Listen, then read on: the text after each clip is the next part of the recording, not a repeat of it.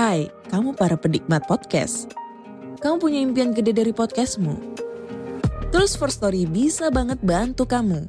Mulai dari F-Link, Dynamic Audio Insertion, sampai statistik yang komprehensif.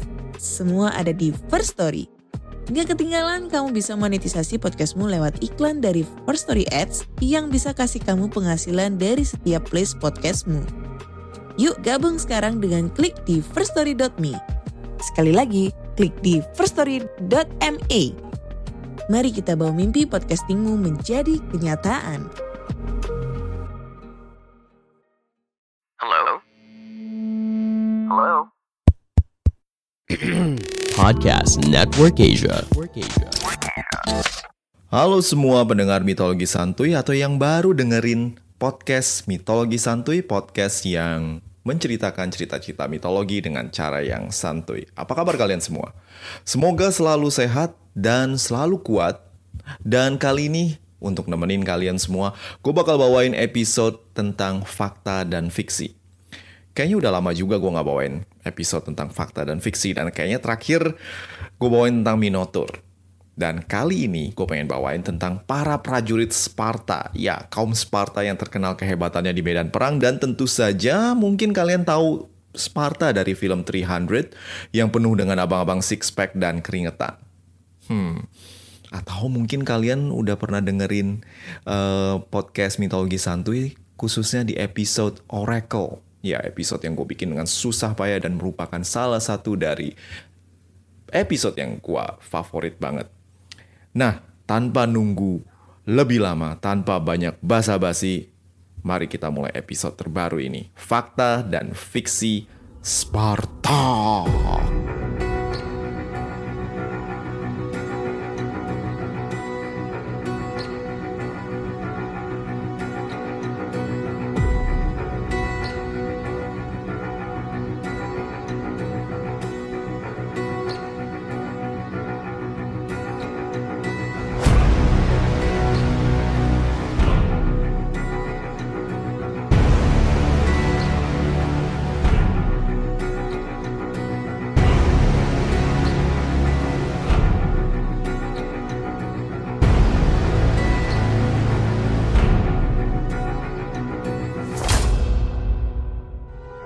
This is Sparta!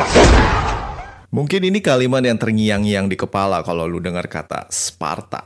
Image segerombolan prajurit berperut roti sobek, berkolor kulit, berjubah merah, dan bersenjata tombak dan perisai bulat dari tembaga dan juga mereka pastinya berewokan, liar, dan gagah berani. Begitulah yang kebayang buat kebanyakan orang. You know, obviously, banyakan orang tahu tentang Sparta dari film 300. Awalnya gue juga kayak gitu. Jadi di tahun 2006, film 300 tayang di bioskop. Gue sama dua temen gue pergi ke Mall Taman Anggrek. Kita nonton di 21. Dan di sini pertama kalinya gue tahu tentang Sparta dan juga pertempuran Thermopylae yang heboh itu. Nah, di film ini jujur aja kesan yang gue dapet sama teman-teman gue ketika nonton, ini banyak banget aksi-aksi spektakuler yang cenderung lebay sebenarnya, tapi heroik banget. Jadi ini film tuh bener-bener cowok banget. Tapi yang gue dapet dari nonton film ini, selain ngerasa wah ini seru banget ya, tapi yang bener-bener gue rasa adalah kita ngerasa insecure. Kenapa? Karena aktor-aktornya, Gerard Butler dan juga yang lain-lain, itu kayaknya terlalu sempurna secara fisik. Ototnya lah, six pack dan lain-lain. Kayaknya abis itu gym pada rame deh abis nonton film ginian karena penuh dengan orang-orang insecure kayak gue. Alright, uh, buat kalian yang belum lahir atau mungkin masih piik banget alias kecil banget waktu film ini terbit, nonton deh. Walau agak corny dengan standar sekarang, tapi masih enjoyable buat ditonton. Lagian episode kali ini bakal banyak banget ngambil referensi dari film ini. Anyway, Usai suksesnya film 300, banyak orang yang tertarik dengan rival Athena dalam supremasi di zaman Yunani klasik ini. Banyak yang cari tahu di internet atau baca komik 300 karya Frank Miller yang jadi sumber dari film 300 ini. Of course, kalian semua nggak usah ribet-ribet karena gue udah ngelakuin ini buat kalian semua. Tuh, betapa cintanya gue pada Santuyers. Gue sibuk membaca, mendengarkan, dan juga mencari tahu tentang Sparta dan kemudian gue berikan kepada kalian semua. Anyway, setelah bertapa semingguan lebih, gue menemukan sesuatu bahwa sejarah Sparta ini sebenarnya rada-rada susah buat ditelusuri. Catatan tentang orang-orang Sparta ini kebanyakan berasal dari orang-orang di luar Sparta dan pop culture kayak film 300 yang bikin somehow kaum Sparta ini jadi kayak cerita fiksi superhero daripada bangsa yang beneran ada. Orang-orang Sparta mendiami daerah Lakonia, suatu daerah di tenggara semenanjung Peloponnese, Yunani. Gue selalu kelibet kalau ngomong semenanjung ini, jadi rada-rada ribet. anyway, nenek moyang mereka diperkirakan bermigrasi dari utara, yaitu wilayah Macedonia sekarang, dan kemudian mereka menguasai Lakonia. Orang-orang Sparta biasa disebut dengan nama Lacedaemon atau Lakedaemon. Awalnya mereka ini peternak, namun mungkin, you know, dalam skenario pikiran gue, beberapa pemimpin dari mereka menyadari kalau mereka punya otot lebih besar daripada penduduk sekitarnya dan berpikir, eh gimana kalau kita belajar bertempur dan naklukin daerah-daerah tetangga kita terus mereka kita jadiin budak dan kita bisa hidup modal otot dan berantem aja. Gimana gimana? Lalu para muscle fighter dari Sparta ini kemudian menerapkan latihan keras dan art of fighting wahid yang kemudian menaklukkan penduduk sekitarnya. Dan of course di zaman itu kalau lu kalah ya jadi budak dan inilah yang gak diceritain di film 300. Para Spartans ini sebenarnya hidup dalam sistem kenegaraan yang bakal bikin lu mikir dua kali kalau lu nganggap mereka itu adalah hero yang gak ada celahnya. Gak seperti yang umumnya kita tahu, Sparta itu sebenarnya dipimpin oleh dua orang raja. Kedua-duanya merupakan keturunan dari Hercules. Eh, tunggu. Gua lupa mention satu hal yang paling penting ini. Bangsa Sparta ini mengklaim kalau mereka adalah keturunan dari dua cucu Hercules yang bernama Eurysthenes dan juga Procles. Kedua cucu Hercules ini menjadi raja-raja pertama dari Sparta dan semenjak itu sistem dua raja ini terus dilakukan untuk memerintah Sparta. Tapi kedua raja ini juga dibantu oleh sekelompok dewan kakek-kakek tua yang namanya Ephors, yang artinya adalah kelompok kakek-kakek tua. Lah, kok nggak kreatif amat? Ya gimana orang-orang Sparta itu terkenal kagak gitu suka ngomong panjang lebar dan bahkan ada istilah dalam bahasa Inggris yaitu laconic yang artinya adalah minim bicara dan kaku. Kata laconic berasal dari daerah Lakonia, tempat orang-orang Sparta tinggal. Berbeda dengan tetangga-tetangganya, orang Sparta ini percaya bahwa untuk menjadi yang terbaik, orang tuh mesti bisa bertempur dan kuat secara fisik hidup sebagai seorang Sparta itu dimulai sejak lahir.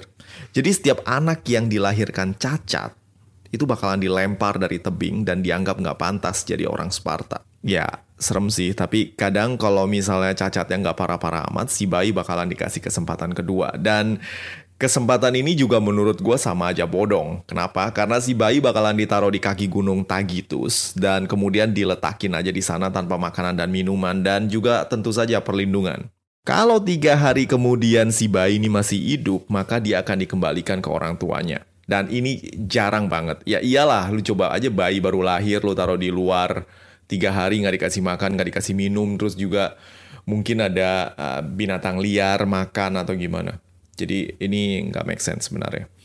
Pada usia tujuh tahun, anak-anak cowok Sparta kemudian akan diserahkan kepada negara dan dikenakan wajib militer. Jadi dia bakal diajarin berbagai seni uh, bela diri atau mungkin hal-hal um, yang diperlukan untuk menjadi warga negara yang baik. Latihan militer ini disebut agoge dan sangat keras.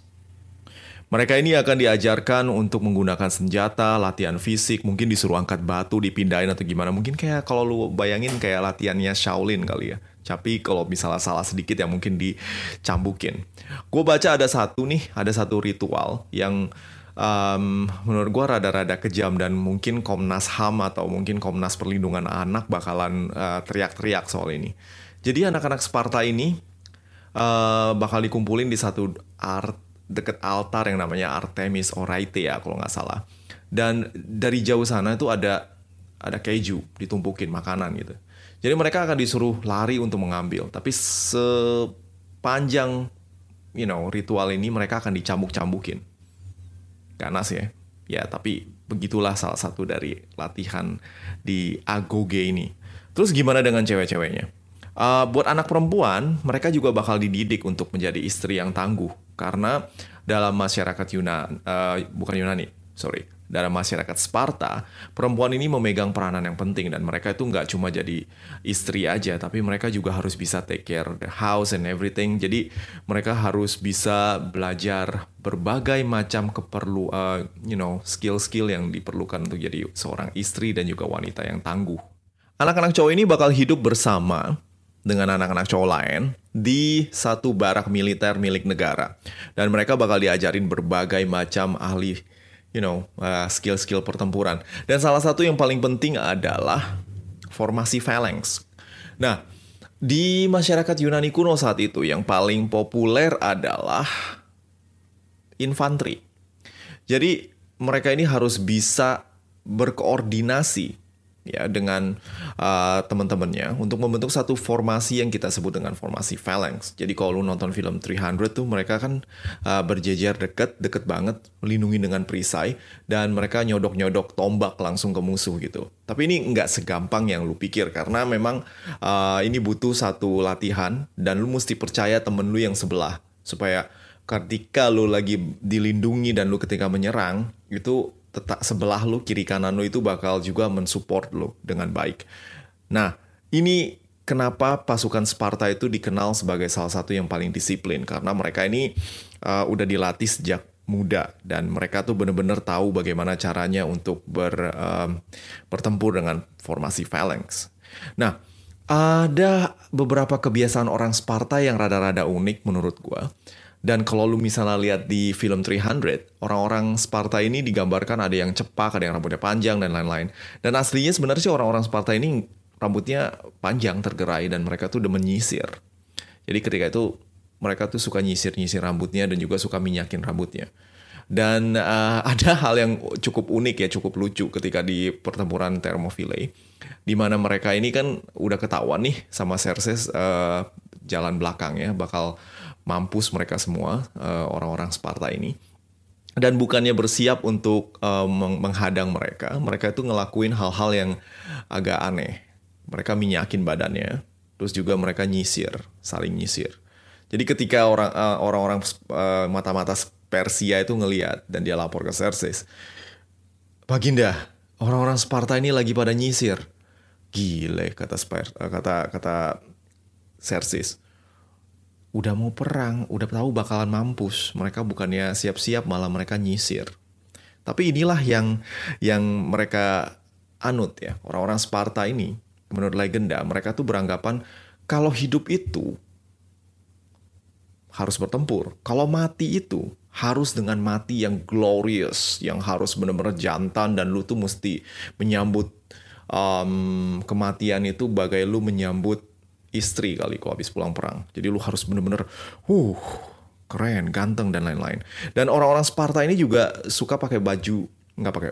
You know what? I mean like uh, ketika lu nonton film 300, lu kelihatan mereka semua kepada nggak pakai baju kan. Sebenarnya mereka itu pakai baju arah hoplite atau tentara dengan uh, pelindung dada dan juga uh, pelindung kaki dan lain-lain. Jadi mereka itu benar-benar uh, fully armored, nggak cuma nggak juga nggak nggak cuma dilindungin sama otot doang gila. Anyway tapi ada satu yang benar dari film itu sih. Mereka ini uh, pakai jubah merah. Dan konon jubah merah ini dipilih oleh bangsa Sparta karena ini bisa nutupin kalau mereka terluka ya kan? Kalau mereka terluka badannya kena darah keluar kan? Dan mereka tuh pakai jubahnya itu untuk nyamarin kalau mereka tuh nggak terluka. Kayak lu misalnya ketusuk nih darah pada muncrat kan. Mana, mana? Lu berdarah ya? Enggak, enggak. Ini jubah gua doang. Ya kayak gitu deh. Nah, latihan agoge ini adalah syarat untuk menjadi warga negara Sparta. Ya, nggak heran kalau orang-orang Sparta pada jago berantem. Karena sejak dini memang ya makanannya ya cuma formasi tarung dan juga kekerasan. Terus kalau orang Sparta kerjaannya pada berantem doang, siapa yang cari makan? Ayo, siapa yang betulin jalan. Siapa yang hmm, ngelakuin hal-hal yang semestinya masyarakat lakukan. Nah ini yang jarang diekspos dan jarang banget orang tahu. Di dalam masyarakat Sparta ada yang kita sebut dengan golongan helots yang fungsinya atau peranannya itu lebih mirip budak dan tugasnya ya jadi budak-budak orang Sparta. Kaum helots ini adalah orang-orang Yunani yang kalah perang dari orang Sparta. Dan kemudian karena mereka kalah perang, mereka pun jadi budak. Masih ingat di awal-awal dari di awal episode ini ketika gue bilang kalau misalnya orang-orang Sparta itu sebenarnya datangnya dari Macedonia dan kemudian mereka turun ke Lakonia dan menaklukkan daerah tersebut dan mengklaim itu menjadi milik mereka. Nah, para penduduk aslinya ini yaitu orang-orang Messenia, ini yang kemudian menjadi orang-orang Helots. Nah, orang-orang Helot inilah yang kerjanya cari makan buat orang-orang Sparta. Dan jadi orang-orang Helot sini nggak enak banget karena mereka mesti kerja keras dan sering banget jadi korban bully dari orang-orang Sparta. Walaupun demikian, kaum Helots ini sebenarnya jumlahnya lebih banyak daripada orang-orang Sparta. Jadi bisa aja kalau mereka mau gang up upon the Spartans, mereka bisa aja. Cuma ya mereka takut karena orang-orang Sparta ini jago berantem kan. Dan sama juga dengan orang-orang Sparta. Orang-orang Sparta ini parno parno kalau takut banget kalau mereka kalau orang-orang Helot sini bakal memberontak. Ya wajar soalnya ya kaum Helot sini kan emang yang ngerjain semua dan kaum Sparta ini practically kerjanya cuma nyantai, olahraga dan pergi perang doang dan itu pun kalau ada perang. Nah, untuk kendaliin kaum Helot supaya mereka nggak berontak, maka orang-orang Sparta ini bikin satu polisi rahasia yang namanya Kryptoi. Dan kerjaannya itu kayak Gestapo di zaman Nazi. Kerjanya itu cuma buat ngintimidasi kaum Helots. Jadi polisi rahasia ini itu bakal nyari kesalahan-kesalahan orang-orang Helots dan kadang tanpa salah, tanpa sebab pun bisa dibunuh orang-orang Helots ini. Dan kalau dia mereka ini ngelihat ada satu orang yang kuat atau mungkin uh, karismatik dari kaum Helots dan mungkin orang-orang ini bakal bisa jadi uh, pemimpin di masa depan, bakalan dibunuh sama Kryptoi ini. Nah, untuk kendaliin kaum Helot supaya mereka nggak berontak, maka orang-orang Sparta ini bikin satu polisi rahasia yang namanya Kryptoi. Dan kerjaannya itu kayak Gestapo di zaman Nazi. Kerjaannya itu cuma buat ngintimidasi kaum Helots. Jadi polisi rahasia ini itu bakal nyari kesalahan-kesalahan orang-orang Helots dan kadang tanpa salah, tanpa sebab pun bisa dibunuh orang-orang Helots ini. Dan kalau dia mereka ini ngelihat ada satu orang yang kuat atau mungkin uh, karismatik dari kaum Helots dan mungkin orang-orang ini bakal bisa jadi uh, pemimpin di masa depan, bakalan dibunuh sama Kryptoi ini. Pokoknya orang-orang Sparta ini akan melakukan berbagai hal supaya orang-orang Helot ini nggak berontak dan populasi mereka itu nggak melebihi dari jumlah yang bisa bikin orang-orang Sparta ini kewalahan. Dan terkadang kalau menurut gue sih ini udah bully tingkat negara ya karena nggak wajar aja gitu loh perlakuannya. Dan ini yang jarang banget diekspos di uh, di film-film atau mungkin di pop culture ya yang kita lihat kan wah orang Sparta ini hebat-hebat banget dan mereka itu jantan banget dan lain-lain. Tapi sebenarnya eh, mereka ini cenderung bully sebenarnya kalau gue lihat. Dan dari apa yang gue baca-baca ya dan yang gue baca itu sumber sejarah bukan cuma um, novel atau mungkin film. Nah ada satu hal ketika um, para remaja dari Sparta ini lagi ngelakuin agoge atau latihan militer. Mereka ini akan disuruh tuh ngejarah kaum Helot. Nah, sebenarnya ini nggak nggak nggak boleh gitu loh, tapi you know mungkin dibilangin aja sama ketuanya lu lu, lu pergi deh, lu pergi ngejarah kaum Helot ya. Awas lu kalau ketahuan. Nah, kalau mereka ngejarah dan berhasil nggak ketahuan, oh ya udah nggak apa-apa. Tapi kalau ketahuan, mereka bakal dihukum. Iya, orang-orang Sparta ini bakal dihukum. Tapi dihukum bukan karena ngejarah, tapi dihukum karena ketahuan. So, menurut lu gimana? Ini heroik gak? Kalau menurut gue sih rada-rada weird. Nah, yang unik dalam masyarakat Sparta adalah bagaimana orang-orang Sparta ini melihat wanita. Sementara di Athena cewek-cewek itu dikekep dan gak boleh keluar apalagi sekolah. Di Sparta wanita itu lebih bebas. Mereka nggak dikekep dan boleh sekolah. Bahkan boleh juga olahraga kayak cowok. Jadi nggak heran kalau cewek-cewek Sparta terkenal tangguh dan ketika ditanya kenapa mereka diperbolehkan seperti demikian, mereka menjawab, karena hanya cewek-cewek Sparta yang melahirkan pria-pria sejati. Damn, look at that one-liner. Nggak cuma gitu loh. Jadi ada catatan yang bilang bagaimana seorang ibu-ibu Sparta, dia ngomong ke anaknya yang mau berangkat perang. Pulang dengan perisai ini, atau pulang di atasnya. Yang kalau gue terjemahin ke dalam bahasa Indonesia ya, lu pulang selamat, atau lu pulang gugur lu jangan chicken out atau jangan kabur dari medan perang karena itu bukan orang Sparta. Pokoknya jangan bikin malu keluarga. Bagi emak-emak Sparta adalah kebanggaan kalau anaknya mati di medan perang.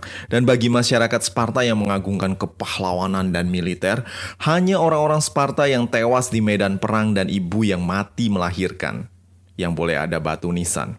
Sisanya ya dianggap anjing mati ya dikubur nggak pakai nama ya dikubur aja udah gitu aja. Nah sekarang kita ngomongin hal yang mungkin agak lebih dewasa sedikit. Jadi kalau anak-anak yang dengerin ini dan lu ngerasa kayak aduh ini nggak cocok nih apalagi yang lagi puasa nih kan uh, mungkin bisa dihindari yang ini atau di skip lah beberapa menit ke depan. Tapi gue janji kok nggak nggak terlalu eksplisit. Nah kita akan bicara soal bagaimana kehidupan seksual mereka. Nah Masyarakat Sparta ini, layaknya masyarakat di zaman itu, ya di Yunani, mereka ini nggak ngelarang hubungan yang sifatnya itu homoseksual, cowok sama cowok, cewek sama cewek, nggak nggak begitu, you know, nggak gitu dilarang ya. Soalnya ya gimana ya, so um, gue udah ceritain kan tadi, kalau misalnya anak-anak Sparta itu udah tinggal di barak militer dari umur 7 tahun dan tiap hari gaulnya sama cowok semua. Dan masyarakat Yunani pada saat itu juga nggak gitu-gitu banget gitu loh nggak oh ya udah ya kalau misalnya memang ini bisa mendorong uh, keharmonisan dan juga bisa mendorong um, cinta bangsa sesama gitu kan. Lu kalau misalnya maju perang sama temen-temen lu yang yang lu, lu deket banget kan mungkin uh, akan lebih kompak begitu. Jadi mereka yang nggak gimana-gimana juga. Dan kalau misalnya hubungan suami istri pun agak unik di sini. Karena memang anak orang-orang Sparta itu biasanya nikah di umur dua um, you know 20-an lebih. Ya nggak kayak di Athena yang lebih muda. Kalau di sana um, karena kebanyakan para prajurit ya orang-orang Sparta ini bisa menghabiskan waktu lama di medan perang atau mungkin di barak militer. Jadi ketika mereka mau you know um, hubungan suami istri mereka harus di tengah malam mereka harus kabur diam-diam dari barak, ngunjungin istrinya, terus balik lagi ke barak sebelum matahari bersinar supaya nggak ketahuan. Kalau ketahuannya kena hukum. Jadi ya kayak gitu deh uh, bagaimana hubungan mereka. Oh iya, meski mereka nggak gimana-gimana banget soal hubungan sejenis, uh, rata-rata orang-orang Sparta ini kudu nikah dan kudu punya anak. Karena mereka mesti meneruskan keturunan mereka. Jadi seperti yang gue bilang tadi, kalau orang-orang Sparta ini sebenarnya minoritas di, di di tempat yang mereka sebut dengan Lakonia itu daerah mereka sendiri. Kebanyakan penduduk yang ada di Lakonia adalah orang-orang Helots, yaitu orang-orang yang mereka taklukkan dan jadikan budak. Jadi kalau mereka nggak bisa regenerasi, nggak punya anak, ya kebetulan suatu saat nanti mereka pasti akan kalah sama Helots. Nah, sekarang gue pengen ngomongin apakah benar uh, orang-orang Sparta itu sekeren dan setangguh itu.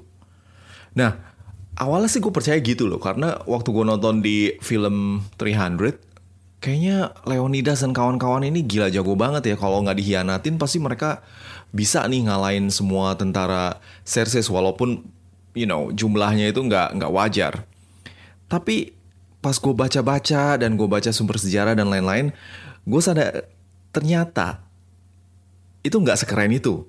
Dan banyak sekali distorsi kenyataan yang kemudian masuk ke budaya pop culture kayak kita sekarang ini yang nerima mentahnya doang yang sesuai dengan keinginan dari sutradara atau penulis. Nah, Pas gue baca-baca, gue baru tahu kalau sebenarnya reputasi bangsa Sparta ini itu sebagian besar berasal dari satu event yang yaitu perang dari Thermopylae, ya Battle of Thermopylae di mana mereka itu um, you know Raja Leonidas dan juga 300 pasukan Spartanya itu tewas dalam pertempuran melawan Xerxes dan juga pasukan Persia. Di pertempuran Thermopylae ini diceritain kalau Leonidas dan 300 prajurit Spartanya menghadang pasukan Xerxes selama tiga hari dan mengalahkan serangan demi serangan pasukan Persia sebelum akhirnya kebobolan. Karena pasukan Persia itu berdasarkan petunjuk seorang gembala pengkhianat, nunjukin kalau ada rute lain ke belakang pasukan Sparta. Pasukan Sparta tinggal dan membiarkan pasukan bangsa-bangsa Yunani yang lain untuk mundur. Dengan gagah, Leonidas bertempur sampai mati bersama 300 prajuritnya. Tapi, apa emang benar begitu? Sumber yang kita terima ini kebanyakan dari satu orang, yaitu Herodotus. Dan Herodotus itu, walaupun gelarnya itu adalah Father of Histories, terkadang dia juga dibilang father of lies karena dia suka lebih-lebihin fakta atau mungkin you know dia dengerin cerita ini dari orang lain yang denger dari cerita yang orang lain lagi dan akhirnya itu yang realitanya itu kita nggak tahu. Berdasarkan sumber yang lebih kontemporer yang sejaman dengan pertempuran Thermopylae ini di pertempuran ini sebenarnya you know nggak cuma Leonidas dan 300 pasukan elitnya. Tapi ada 7.000 prajurit dari aliansi negara-negara Yunani. Dan Sparta ini cuma seuprit jumlahnya dibandingkan dengan negara-negara lain kayak uh, Tespia, Posia, dan juga Lokrian.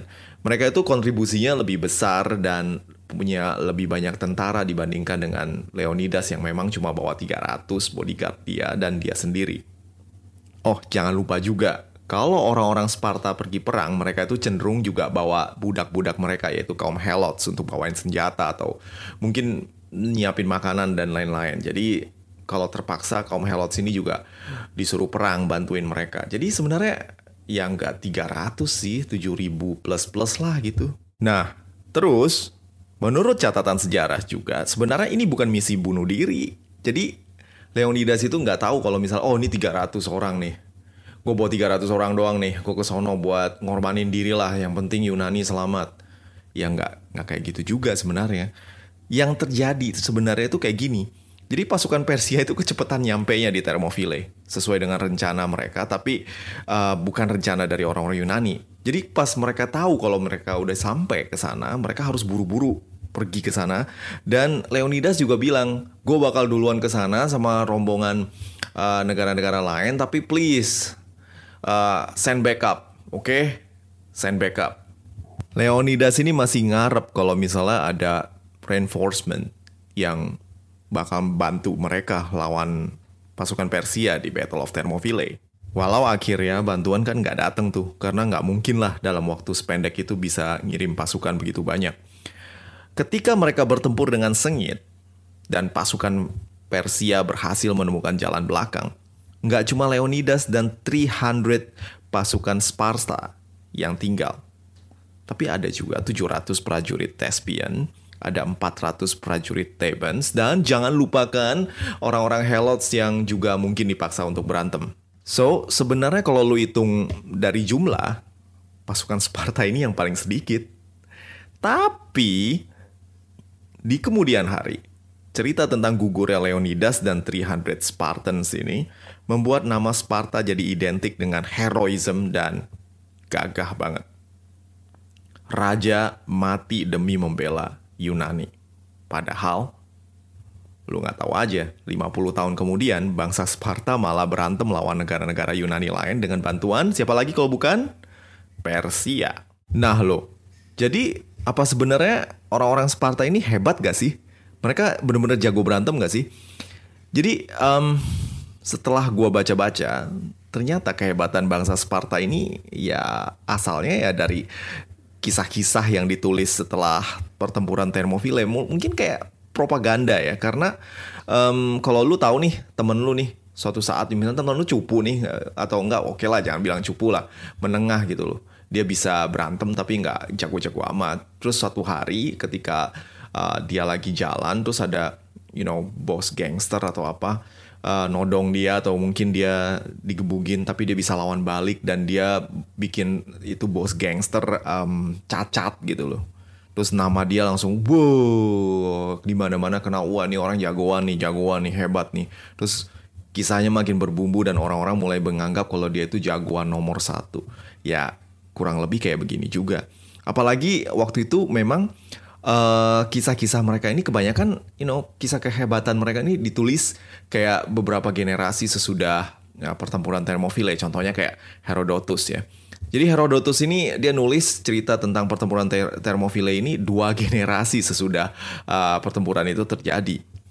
Ini kayak ceritain uh, soal kakek lu berantem sama penjahat dan lu nulis tentang dia which is nggak tahu nih beneran apa enggak nih kakek lu berantemnya uh, bener-bener uh, you know brave atau bener-bener cuma lu ngarang-ngarang aja. Tapi emang bener kakek lu berantem lawan penjahat tapi lu nggak tahu kalau bener-bener berantemnya tuh sampai kayak ganas banget atau mungkin dia berantem sendirian apa dibantu sama temen. Jadi reputasi Sparta itu dibangun karena satu pertempuran yang kemudian kemudian mereka itu kedengeran kayak semacam superhero gitu. Atau mungkin super soldier sekali terus apa yang gue ceritain dari tadi yang panjang lebar soal Sparta ini beneran apa fiksi doang ya gue bisa bilang nggak semua bener dan nggak semua salah sih. Soal jadi ada juga yang bener ada juga yang salah. Contohnya nih ya kayak em, seleksi penduduk Sparta sejak bayi.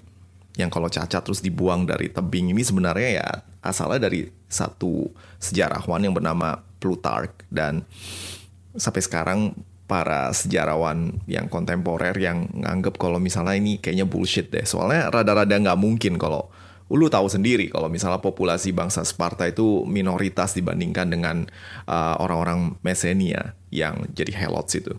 Masa iya lu punya ada ba- ba- ada ada bayi cacat sedikit terus lu buang dari dari tebing sampai mati? Kan kayak gini kan susah ya buat regenerasi. Terus kalau lu baca ya um, sumber-sumber dari um, Herodotus misalnya kedengerannya kayak orang-orang Sparta ini dilahirkan untuk jadi tentara tapi sebenarnya sih nggak bisa dibilang begitu. Cuma mereka ada wamil aja jadi ada wajib militer. Dan kalau perang ya mereka harus siap untuk pergi perang. Dan wamil mereka juga nggak serta merta tentang berantem dan lain-lain. Mereka juga diajarin baca puisi nari. Ya kurang lebih kayak orang-orang Yunani zaman itu. Terus pas battle ini mereka gimana? Apa mereka benar-benar hebat kayak Gerard Butler di film 300? Apakah mereka tuh bisa kayak ngelempar em, tombak terus bunuh you know, what, apa sih yang itu yang bunuh tuh? Oh, badak ya. Apa kayak gitu? Ya kalau lu baca sejarah ya, sejarah sama film itu beda kadang-kadang memang kita tuh suka distorsi tuh yang oh menurut film ini begini. Sebenarnya nggak kayak gitu juga. Jadi kalau menurut catatan sejarah, negara-negara kota Yunani itu yang paling hebat prajuritnya itu malah bukan Sparta, bukan Athena, tapi Argos. Dan kalau Sparta itu terkenal apanya? Ya ceweknya. Cewek-ceweknya cakep. Heran kan lu? Nah, hal yang membuktikan kalau sebenarnya Sparta itu nggak jago-jago amat, itu terbukti di di satu catatan yang menyatakan kalau ada satu pertempuran yang namanya Battle of Champions. Bo, Battle of Champions. Jadi pada satu saat Argos dan Sparta ini terlibat sengketa tanah. Jadi mereka berdua tuh udah pelotot-pelototan. Jadi mau rebutin satu tanah yang gue lupa namanya apa. Dan mereka udah baris nih, pengen siap berantem. Cuma mereka mikir, Wah, kalau ribut nih banyak yang mati juga ya udahlah gini aja deh. Gua ngambil 300, lu ngambil 300 pasukan lu, terus kita tempur. Siapa yang paling kuat terakhir itu yang menang. Argos, oke. Ya, gue bakal nyiapin 300 pasukan terbaik gue. Dan Sparta juga ngomong sama, siap. Lu jual, gue beli. Terus, ya mereka berantem dah tuh, bacok-bacokan, ngadu pedang, macem-macem. Dan akhirnya, yang terjadi adalah Argos menang dengan dua prajurit masih hidup di akhir pertempuran. Sementara Sparta cuma sisa satu doang. Nah, jadi reputasi kesangaran mereka ini hanya karena termofile. Dan mereka terus kepengen dilihat kayak pasukan yang jantan tak terkalahkan. Dan banyak tradisi keras mereka, kayak nyambukin anak-anak dalam agoge yang tadi gue ceritain. Itu tuh baru ada catatannya setelah perang Thermopylae. Bangsa Sparta ini juga sebenarnya bukan bangsa yang sering mulai perang. Dan mereka ini cenderung hati-hati dan gak berani mulai perang sembarangan. Karena pasukan mereka ini jumlahnya tuh nggak banyak, nggak sebanding sama populasi kaum Helots yang ada di uh, Lakonia tempat mereka tinggal. Dan mereka ini harus mastiin kalau ada pasukan di kampung di Lakonia supaya mereka ini nggak berontak. Jadi nggak heran kalau misalnya ada perang dan ketika Sparta diminta bantuannya, kadang-kadang uh, pasukan yang dikirimnya itu sedikit atau kadang-kadang mungkin dia cuma kirim kayak semacam penasehat, you know, konsultan militer gitu. Terus dalam peperangan juga Sparta bukan yang nggak terkalahkan, mereka justru you know, kadang-kadang kalah juga dalam pertempuran. Dan ini sebagian besar karena pasukan mereka yang bagus itu cuma pasukan hoplite-nya doang, yaitu infanteri. Pasukan kudanya payah dan ya gitu deh. Mereka cuma fokus ke pasukan hoplite-nya doang. Contohnya nih, ada satu perang ya di perang yang benar-benar menentukan uh, akhir dari dominasi Sparta, yaitu perang Leuctra atau pertempuran Leuctra dah, Battle of Leuctra. Jadi di pertempuran ini Sparta ngelawan Thebes, ya Thebes, dan dia kalah. Pasukan Sparta ini kalah lawan uh, lawan pasukan Thebes yang diperkuat oleh satu kelompok suci yang namanya Sacred Band of Thebes dan mereka homoseksual. Anyway, dan setelah pertempuran ini, Sparta nggak lagi bisa nunjukin tajinya lagi. Nah, ketika bangsa Romawi datang untuk menaklukkan Yunani, Sparta ini udah nggak ada apa-apanya lagi dan malah jadi semacam tempat wisata buat orang-orang Romawi yang kepengen belajar jadi macho plus jantan ala Spartan. Ya, mungkin kalau gue bisa kasih nama daerah Lakonia atau daerah Sparta tinggal sekarang mungkin Macolen kali. nah, lucunya karena bangsa Sparta ini ya emang udah gak ada apa-apa lagi ya. Mereka cuma bisa ngejual reputasi doang. Dan karena orang-orang Romawi itu benar-benar tertarik tentang gaya hidup mereka dan reputasi jantan mereka. Well, namanya juga datengin duit ya akhirnya bangsa Sparta ini malah bikin pertunjukan kayak uh, mencutin anak-anaknya ya biar kasih lihat kalau inilah anak-anak kita ini kita kita bikin uh, prajurit-prajurit tangguh dan kuat itu berdasarkan seperti ini. Jadi dari kecil mereka sudah hidup tough, keras. Dan dia juga buka kayak semacam latihan-latihan bangsa Sparta dan kalau gue lihat ini lebih mirip sirkus sih. Nah, jadi kalau gue simpulin dari apa yang gue omongin dari tadi, Bangsa Sparta ini emang tangguh sih dan mereka punya tradisi wamil dan mereka memang punya satu uh, pasukan yang kuat. Tapi kebanyakan uh, tradisi tentang mereka atau cerita yang kita terima sekarang kebanyakan adalah distorsi fakta yang ditulis oleh orang-orang yang sudah hidup lama setelah bangsa Sparta uh, you know, terutama Raja Leonidas dan juga 300 prajurit Spartanya tewas di pertempuran Thermopylae. Jadi um, ada fakta yang terlalu dilebih-lebihkan. Contohnya kayak mereka 300 orang doang tanpa melibatkan pasukan-pasukan lain. Terus juga ada yang bilang mereka nggak terkalahkan dan lain-lain. Sebenarnya nggak juga.